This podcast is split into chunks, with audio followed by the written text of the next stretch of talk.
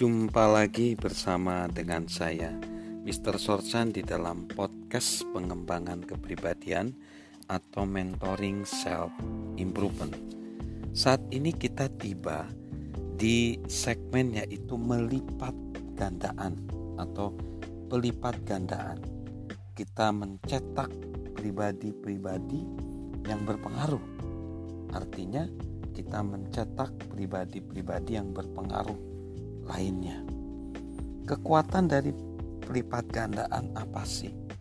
Ketika kita menjadi pribadi yang berpengaruh positif pada orang lain, dan bahkan kita pun akhirnya menciptakan pribadi-pribadi lain yang berpengaruh, maka banyak hal di dalam organisasi kita, yaitu mencetak pemimpin mengangkat pengaruh kita justru ke tingkat yang lebih tinggi. Setiap kali kita mempengaruhi orang yang tidak atau tidak mampu mempengaruhi orang lain, kita membatasi pengaruh kita.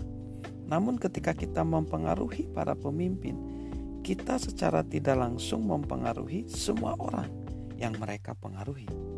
Efeknya adalah pelipat gandaan. Semakin besar pengaruh kita, semakin besar jumlah orang yang bisa kita bantu. Mencetak pemimpin membangkitkan potensi pribadi pemimpin baru.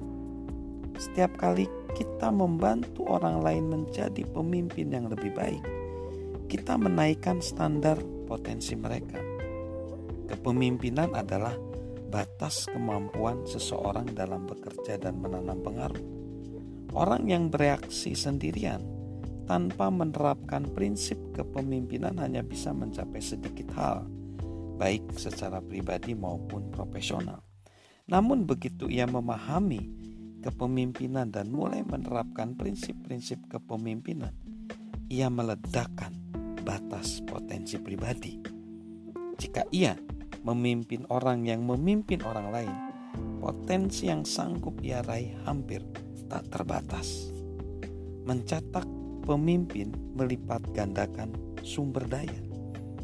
Ketika kita mengembangkan pemimpin, akan kita dapati bahwa sumber daya kita pun meningkat nilainya.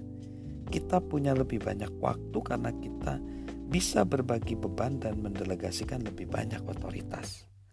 Saat staf kita belajar memimpin, mereka menjadi lebih bijak dan terus memberi masukan yang lebih bernilai sebagai bonus tambahan, kita pun menerima loyalitas pribadi dari hampir semua orang yang kita angkat.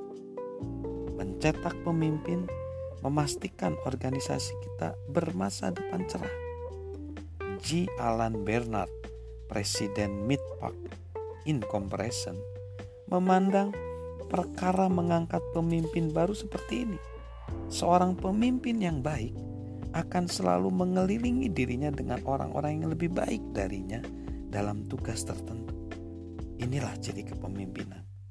Jangan pernah takut menerima atau mengelola orang yang lebih baik daripada kita dalam pekerjaan tertentu. Mereka justru memperkuat organisasi kita.